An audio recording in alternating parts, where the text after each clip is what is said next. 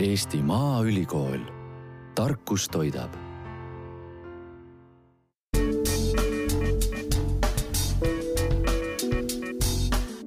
teadus- ja haridussaade Innovaatika on taas lindistamas ühte põnevat vestlust ja sel korral me eh, põhimõtteliselt lähme tagasi ühe vana külalise juurde, kes eelmise aasta märtsikuus tegelikult eh, Innovaatika saates juba käis. Eh, me hakkame rääkima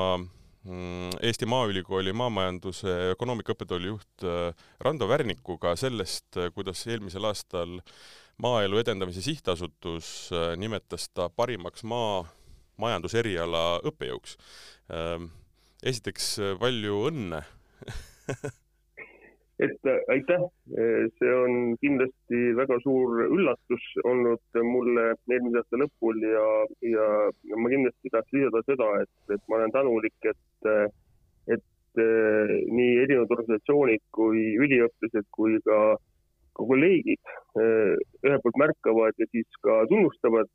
et see tegelikult Äh, annabki tõdemuse, et võib-olla sa oled nagu midagi korda saatnud või sa oled midagi hästi teinud. et kindlasti neid inimesi, kes ülikooli tasandil ja teadustöö tasandil väga palju igapäevaselt teevad, on väga palju ja, ja meil kõigil peaks olema rohkem nagu silmi, et näha ja märgata ja tegelikult siis ka inimesi üles seada, sest et see seltskond, kes ühiskonda arendab ja viib ühiskonda uut mõtet edasi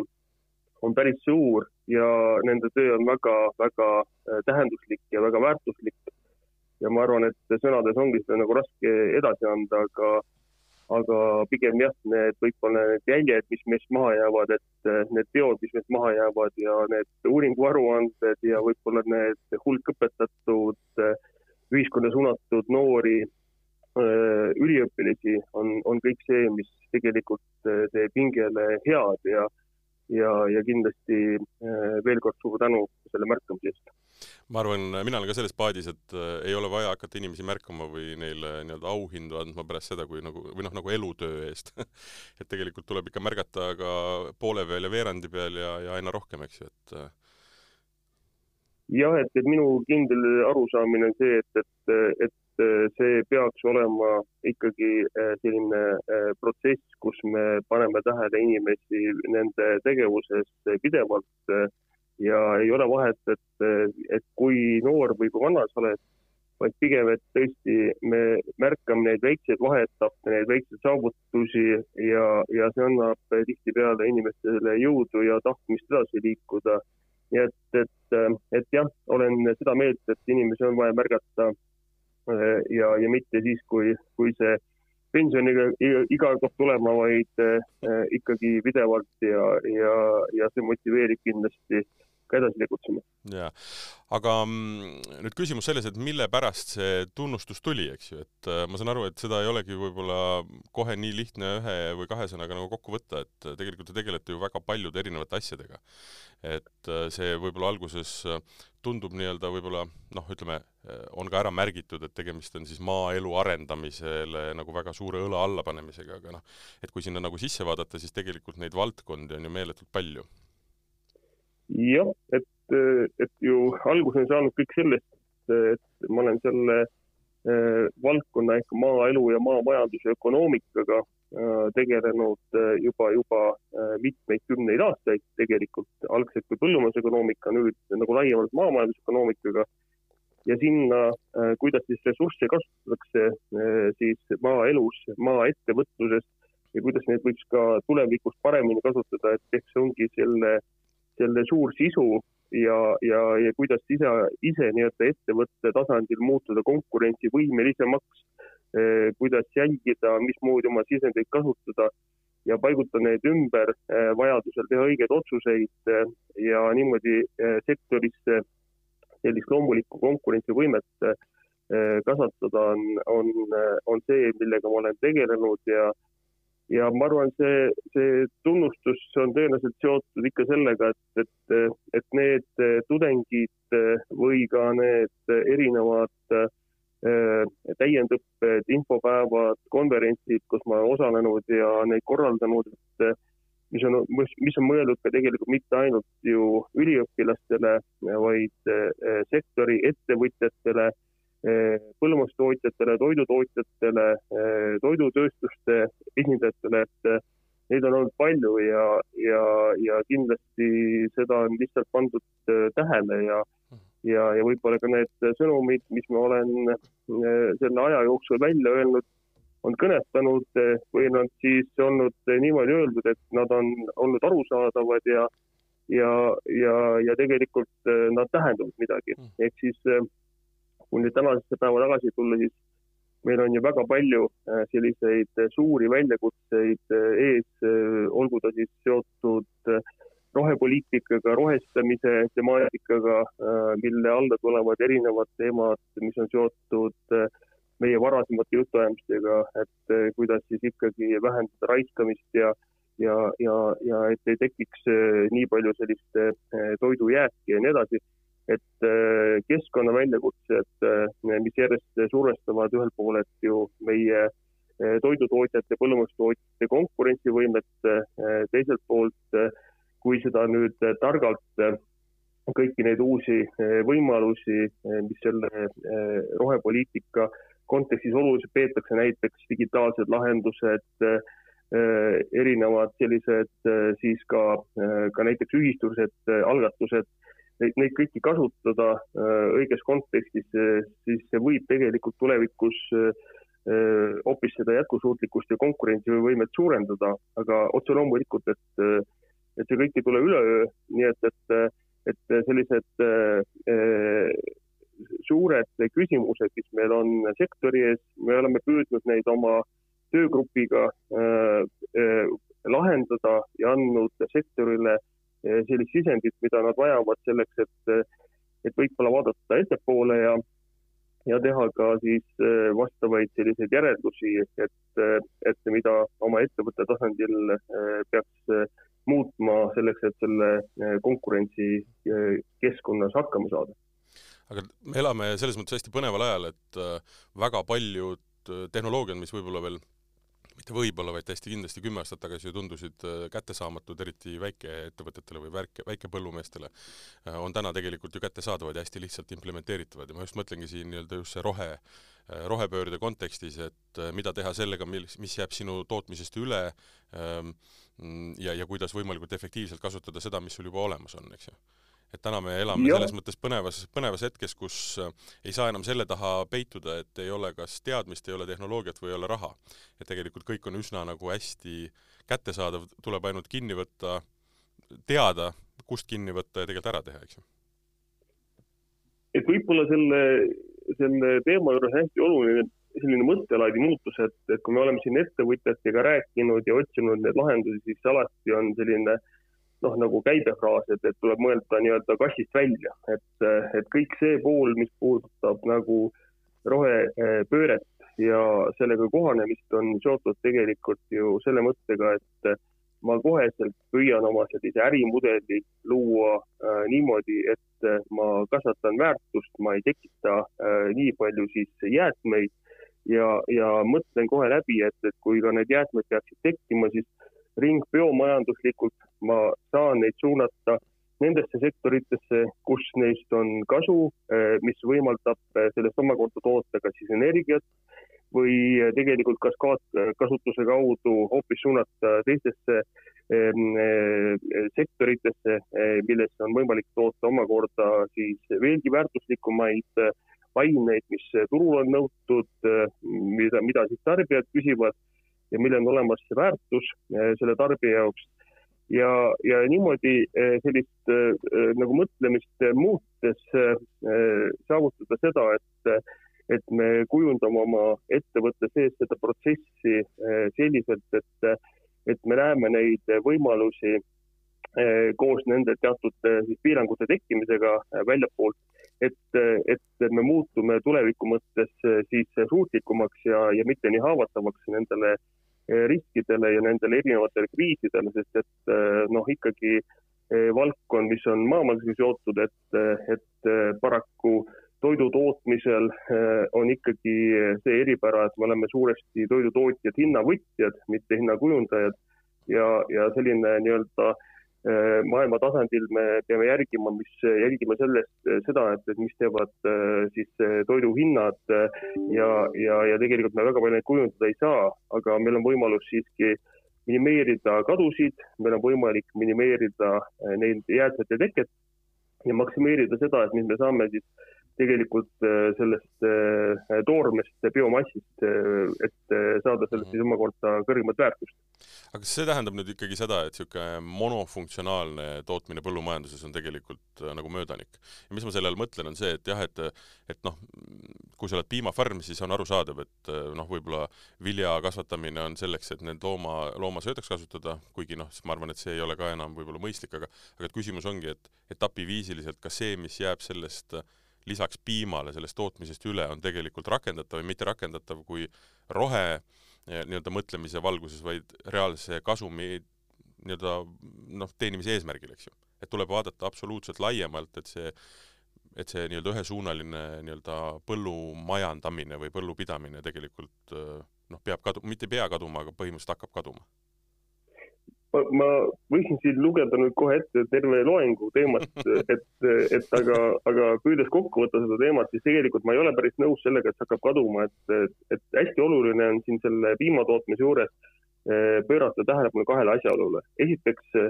me järjest rohkem peaksime tootma eh, piimatootmise jaoks eh, põhisööta ise mitte seda sisse tooma nii palju mm -hmm. noh, ütleme, ütleme siis niimoodi, et, et, et kui me põhisööta tooda, toodame ise ja ta on hästi väärtuslik, siis saame neid äh, toitaineid, mis on piimatootmises vajalikul, äh, vajalikud, saame suurel osas ikka kätte enda nii-öelda põllult, eks, ehk siis selline nii-öelda maakasutuse komponent selle piimatootmise juures on, on äärmiselt vajalik, sellepärast et ühelt poolelt ju piimatootmises tekib ju kõrvalsaadus sõnnik mis on väga hea eh, ajalooliselt olnud hea orgaaniline väetis selleks, et eh, omakorda toota, toita taimi ja, ja, ja teiselt poolelt noh, nüüd tulebki see küsimus, et, et, et kas seda nüüd seda sõnnikut otseselt viia lihtsalt nagu põldu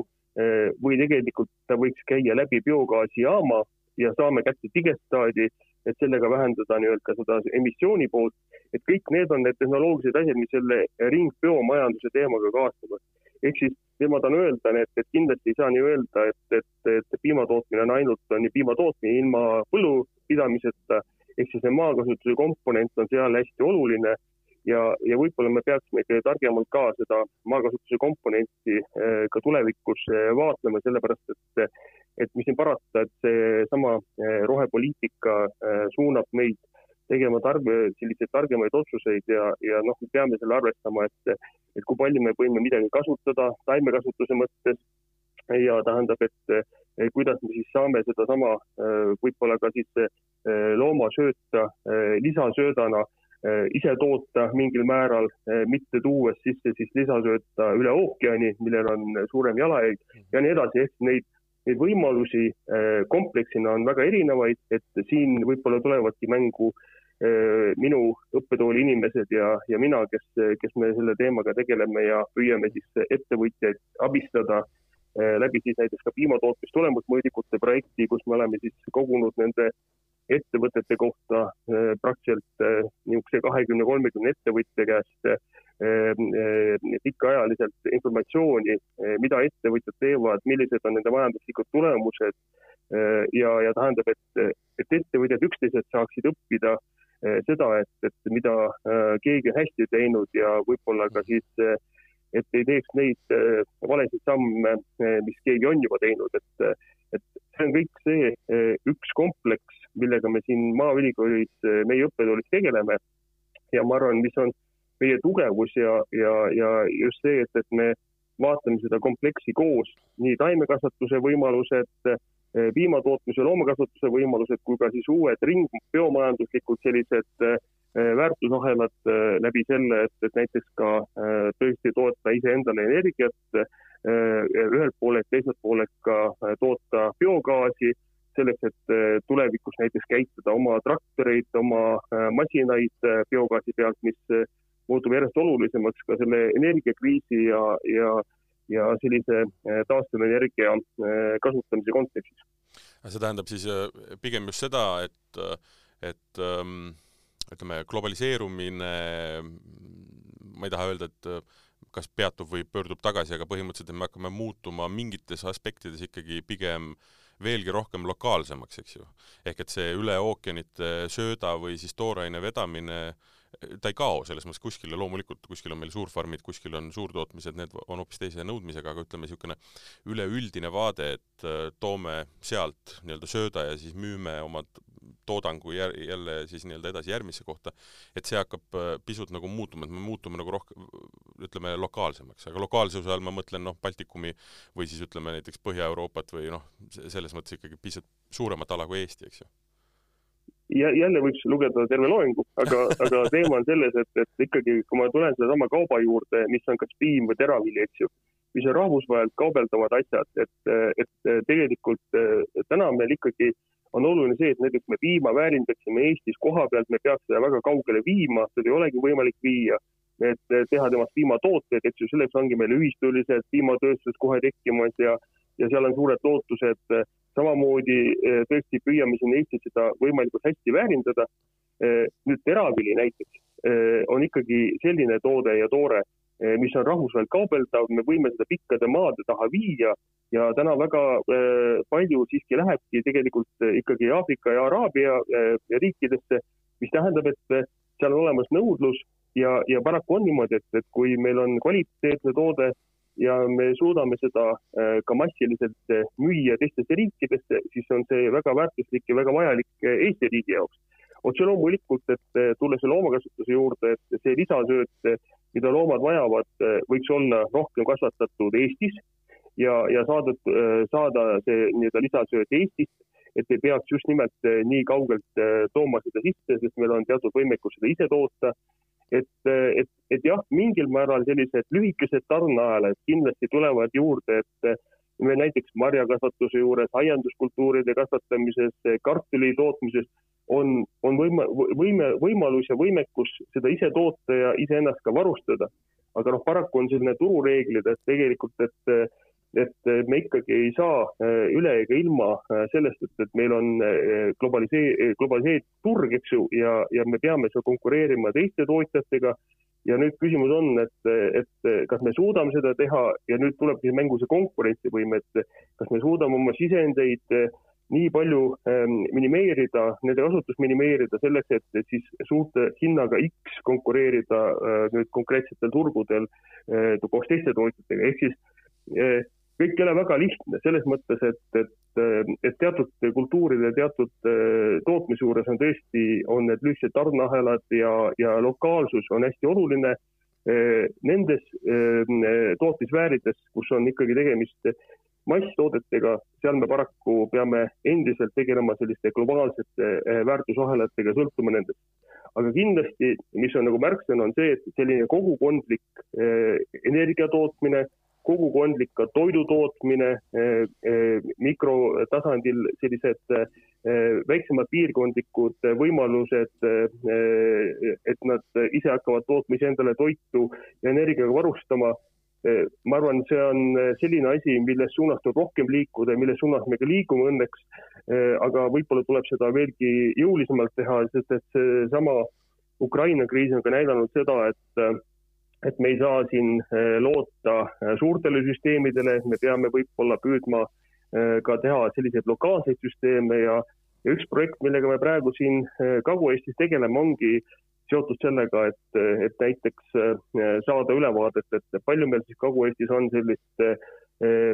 biojäätmeid ja, ja kõrvalsaadusi, millest on võimalik midagi veel väärtuslikumat teha kui palju meil on seal võimalik ja võimalus ka äh, potentsiaalselt näiteks biogaasi toota, just nimelt äh, piimatootmise kõrvalsaadusest, äh, sellisest veiselägast või vedelsõnnikust ja, ja nii edasi, et, et sealt omakorda siis näiteks toota juba mingisugust konkreetset kütust oma masinpargile, mis tähendab muidugi omakorda seda, et, et võib-olla ka teatud masinad tuleb ümber, eh, seadistada ümber viia eh, juba siis biometaani eh, kasutusele ja nii edasi, et ehk siis kogu sellise nii-öelda sektori sees toimuvate muutuste kontekst on ikkagi see, et meil on rohkem teadmist, me teeme teadlikke valikuid ja võib-olla need konkreetsed ärimudelid ka muutuvadki ajas, et, et me vaatamegi, mõtlemegi sellise ärimudeli peale, kus sellist nagu kaskaadkasutus on rohkem ja ka näiteks erinevate, näiteks põllumajandussektori siseselt toimub siis näiteks eh, kaskaadis või ka, või ka siis ring, majanduslikult laiemalt nende kõrvalsaaduste jäätmete kasutus teises näiteks sektoris või siis ka sektorite, erinevate sektorite vahel, et näiteks, et et põllumajanduses tekkiv kõrval, kõrvalsaadus võiks olla kasutuses näiteks kalatööstuses või, või, või siis vesiviljeluses mm -hmm. või siis puidutööstus saadav kõrvalsaadus või jäätmed võiksid olla kuskil mujal, näiteks ka, ka põllumajanduses mingi, mingisuguseks sisendiks, ehk siis muutub see paradigma, et me näeme rohkem jäätmetes või tähendab kõrvalsaaduste jäätmetes nägema väärtust, mitte probleemi. Ehk siis rohkem peaks olema seda, et, et meil nii-öelda jäätmekoodi alla läheb vähem kaupa ja, ja rohkem tekib sellist kõrvalsaadust, mida me saame nagu turul väärindada ja pigem siis hoiduda sellest, et, et või oma mudelit, ärimudelit kujundades nii palju, et, et seda äh, jäätmeid siis nagu üldse ei tekiks, et noh, need ongi erinevad mhm. võimalused, erinevad ehm, sellised, sellised ajad, mis on meie võimalused, aga noh, küsimus jah, et, et peabki olema ettevõtjatel ja just noortel inimestel, kes ühiskonda lähevad, teadmist, et kuidas seda kõike siis ettevõtjatesse rakendada. Aga see ühistuline tegevus, ma saan aru, et äh, noh, mingil hetkel see kadus ära, kuna see oli noh, nii-öelda meie tunde järgi niisugune eelmise riigikorra nii-öelda pärand, eks ju, aga tegelikult me jõuame uuesti taga, ringiga tagasi selle juurde, et, et see on üks võimalus ikkagi olla konkurentsivõimeline, suuta suuremaid asju teha, sest koos on ideid rohkem, võimalusi rohkem äh,, sinust peetakse rohkem äh,, ma ei ütle lugu, aga, aga sind nähakse ka väljastpoolt, sellepärast et noh, midagi ei ole teha, suur, suuri nähakse, eks ju pluss seespool yeah. on võimalik ju noh, nagu seesama jutt, millest just räägitud, et et ei pea, ühistu ei pea olema jälle nii-öelda nagu äh, samasuguste ettevõtete liit, et seal võibki olla hästi palju erinevaid piirkonna inimesi, piirkonna ettevõtteid, piirkonna tootjaid, kes suudavad siis leida selle ühisosa, eks ju. seesama nii-öelda ühe jääde läheb teise, näiteks kalatööstuse siis nii-öelda tooraineks, on ju, et, et selline ühistuline nii-öelda ma ei tea, paradigma muutus on, on nagu toimunud või, või alles toimumas ma ütleksin niimoodi, et, et mingites äh, nii-öelda sektorite, äh, ütleme siis põllumajandussektori sees, et kui me vaatame siis piimatootmist, äh, piimatootmissektorit ja piimatöötlemist, et seal on toimunud selline paradigma muutus ja, ja sellist ühistulist tootmist ja töötlemist, kus siis tõesti ühistu omanikud ise tegelikult mõtlevad läbi, et kuidas nad töötlevad oma piima ja milleks nad töötlevad ja, ja koostöös kellega et sealt saada rohkem väärtust igale eh, tootjale, eh, ühistu liikmele. et see kindlasti toimub ja ma olen väga eh, ootusärev, et, et kuidas uued need tehnoloogiad kõik seda meil võimaldavad. et seal on hästi palju küsimus ka selles, et kui, kui, kui targad on ühistu liikmed ise ja kui nõudlikud nad on oma ühistu juhtimise osas teine pool on see, et, et, et jah, me vaatame näiteks ka, no näiteks ma võin tuua, et meil on väga äh, hästi arenenud äh, selline äh, teraviljakasvatuse ja, ja taimekasvatuse poole pealt Kevili kui ühistu, nii oma organisatsiooni kultuurilt, valitsemise mõttes kui ka sellelt, et nende tõesti majanduslikud tulemused on muljetavaldavad ja ja liiguvad õiges suunas. Kogu see loogika, mis antud ühistus on, et on äh, on just nimelt selline, nagu mina näen, milline see ühistu peaks olema. aga selleks on ka väga palju äh, tehtud teavitustegevusi, selleks on väga palju äh, õpet äh, antud inimestele, liikmetele, juhtidele ja nii edasi erinevatele juhtidele, nii, nii siis tegevjuhtidele kui ka tegelikult siis nõukogu tasandi juhtidele. ehk siis kindlasti nüüd nagu põllumajandussektori eh, ütleme sellisest teravilja ja, ja, ja piimatootmise tasandil on ühistuline teema muutunud eh, järjest atraktiivsemaks ja, ja, ja nähtav ja, ja selles mõttes võib-olla, et on kõik on väga positiivne. aga näiteks, et eh, seal aiandustootmise suunas, et nüüd alles eelmise aasta lõpul olid minuga koos mesinduse seltskonna inimesed, kes soovivad mesinduses luua ühistut, et ma väga palju aitan neile kaasa selleks, et need asjad saaksid õigetel alustel õigesti tehtud ja et nad muutuksid elujõuliseks, et, et minu jaoks ongi oluline see, et, et, et mitte ma ei, nagu ei õpeta sellepärast, et, et, et on kuskil teooria, vaid pigem, et see teooria jõuaks siis reaalse eh, rakenduseni, mis võimaldab siis ettevõtetel ollagi konkurentsivõimeline ja, ja, ja ma väga loodan, et, et see, kui asju tehakse õigesti ja, ja tehakse õiged valikud, eh, siis tegelikult asjad eh, muutuvadki konkurentsivõimeliseks ja, ja Eestis ühistutes on kindlasti suur potentsiaal. Eh, osaliselt on see realiseerunud, osaliselt tahab see veel, veel realiseerumist, tahab veel õpetamist, tahab veel sellist teadmussiiret, millega me oleme tegelenud Maaülikooli maamajandusökonoomika siis õppetoolis aastast kaks tuhat kuusteist selle teadmussiirde pikaajalise programmiga ja läheme sellega kindlasti edasi. Äh, aga, aga jah, et, et paraku on ka meil äh, ühistuse poole pealt ka selliseid tõrvatilke, näiteks needsamad hoiulaenuühistute näited, mis tegelikult on suuresti tekkinud just sellest, et, et inimesed ehk siis äh, ühistu omanikud ise ei ole piisavalt olnud äh, hoolsad, nad võib-olla on äh, uinutatud äh, ja, ja, ja tegelikult äh, siis juhtuvadki sellised asjad, et, et äh, kuulutatakse välja siis äh, nii-öelda, nii-öelda ühistute pankrotid. ja nüüd samal ajal pannakse sinna kokku ka tegelikult hoiulaenuühistud näiteks ja väiksemad muud sellised ühistud, mis tegelikult on oma elujõudu näidanud, et siis, mis näitabki seda, et me püüame asju kuidagi üldistada ja mitte minnes üksikasjadesse, ehk siis meil oleks vaja minna rohkem üksikasjadesse, et otsi, otsida lahendusi, mitte äh, teha niimoodi, nagu me täna püüame nagu asju lahendada läbi selle, et me lihtsalt äh, muudame teatud seadusi. no ja maailma näited muidugi ühistutegevusest on ju noh, võtame maailma kõige kuulsama või tuntuma toiduriigi Prantsusmaa, no kogu nende põllumajandus on põhimõtteliselt üles ehitatud ju ühistutele noh, seal on muidugi väga palju erin-, erandeid, aga noh, kui me võtame äh, veini tootmise, võtame seal erinevad muud äh, nii-öelda toidud, mis on, on maailmas võib-olla tuntumad, need on tegelikult väga paljuski ju sellel süsteemil baseeruvad. kui me võtame teise valdkonna, lähme Soome näiteks, siis suured metsatööstused äh, samamoodi ju, neil on oma tuumajaam, sellepärast et see on mõistlik ja nad saavad sellega väga hästi hakkama et see, et see ühistuline tegevus on ju noh, see ei tähenda seda, me, meil on millegipärast ju arusaam, et see on kolhoos, eks ju. tegelikult see ei ole absoluutselt seda ja nagu te ka mainisite, siis need alused peavad olema õigesti tehtud, eesmärgid paigas ja inimesed peavad tahtma seda teha, on ju.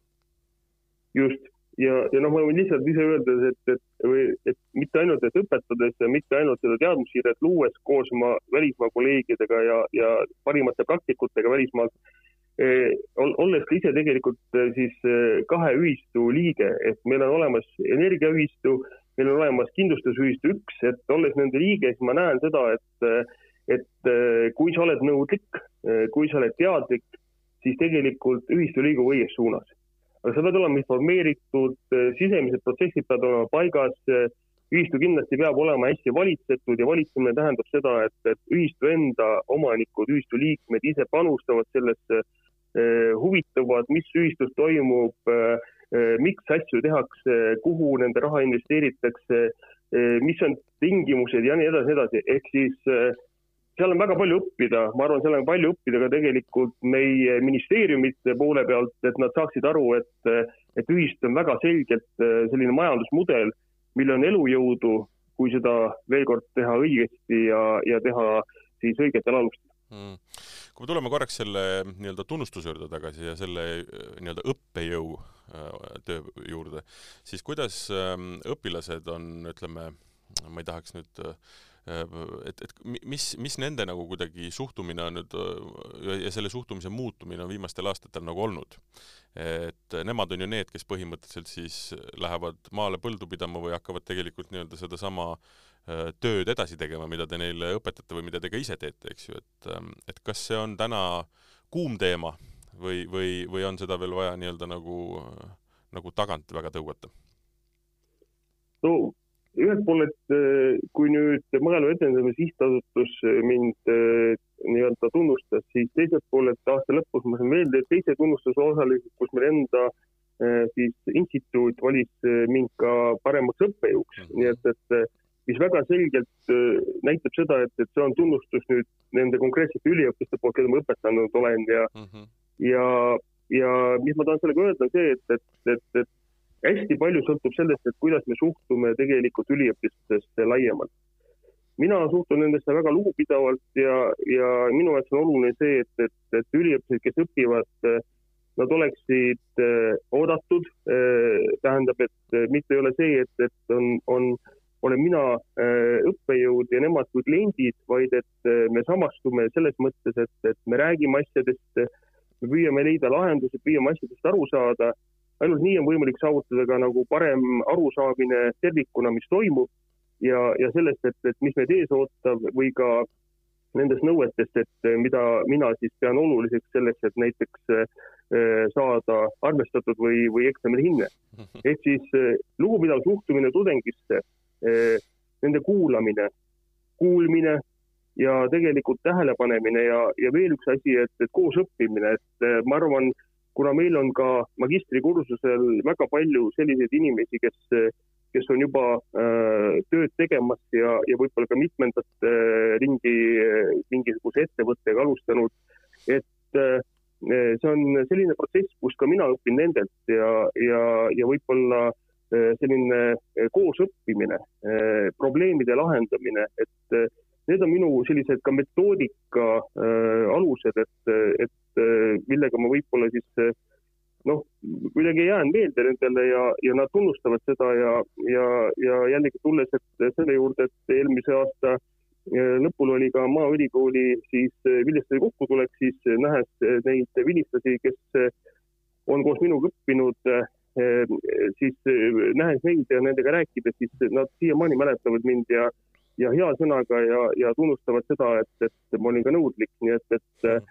et ega ühelt poolelt eh, selline eh, tunnustamine tähendab seda, et sa pead olema piisavalt nõudlik, eh, nõudlik mitte nende vastu, vaid ka nõudlik iseenda vastu. ja, ja, ja see töö kindlasti ei ole lihtne, aga see on palju rahuldust pakkuv ja just siis, kui sa näed, et tegelikult sellest on kasu ühiskonnale mul on tunne, et üks hästi oluline osa selle puhul on ka see, et te olete tegelikult ise praktik. sest mina mäletan oma ülikooli ajast, kus äh, isegi noore ja väga rumala inimesena ma lõikasin väga kiiresti läbi selle momendi, kui inimene rääkis sellest, kuidas elu päriselt käib, kui see, kuidas paberil on. või tähendab, seal oli see kogemuslik pool olemas ja räägiti nii-öelda nagu, ühesõnaga valmistati ette mind selleks, et kui ma siit majast välja astun, et siis ma noh, saan aru, mis tegelikult täna, sellel konkreetsel aastal, sellel aastakümnel on ju toimub, et mitte me ei räägi mingist ajaloost ega, ega, ega mingisugusest teooriast, et mul on tunne, et see ka ikkagi on, on väga-väga oluline. Ma leian, et see on oluline ja, ja, ja eks ma loomulikult, kui ma kogu äh, selles protsessis tegelikult suhtlen ettevõtjatega igapäevaselt, äh, äh, siis, siis ma olen nende asjadega kursis ja võib-olla see ongi see see suur pluss, mis minul on, et, et ma tean, mis ettevõtluses toimub, millised on vajadused, millised on probleemid, kuidas leida ka sealt lahendusi ja, ja otse loomulikult ma vahendan neid äh, tudengiteni ja püüame ka koos võib-olla osa, osaliselt leida, leida nendele probleemidele lahendusi, nii et, et jah, see on õige, mis te märkasite. Sest et tänapäeval jah, info ei liigu enam nii-öelda ülevalt alla, vaid tuleb ka alt ülesse, et inimesed noored on väga informeeritud ja kui neid huvitab valdkond, siis nad on väga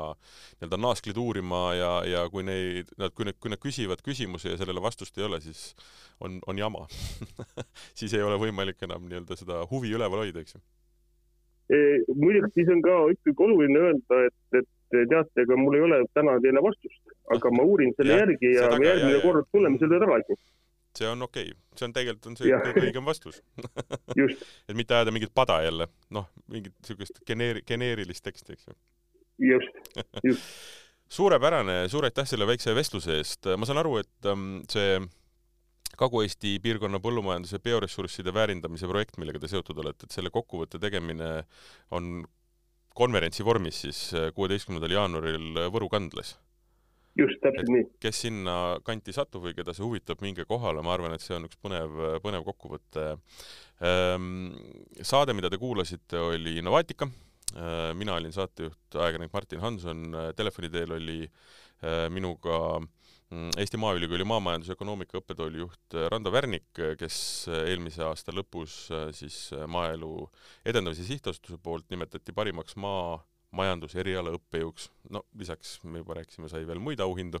ehk et on märgatud, on, on, on peetud seda asja oluliseks ja ma arvan, et, et see on mm, nii-öelda Eesti tuleviku, just nii-öelda maamajanduse ja ka põllumajanduse tuleviku osas nagu hästi-hästi oluline, et on selliseid inimesi. nii et palju õnne veel kord ja, ja ka minu poolt aitäh! aitäh teile! jaa, kõike head! järgmine Innovaatika saade tuleb pisut teisel teemal, aga me jääme ikka teaduse ja hariduse juurde, nii et head kuulamist!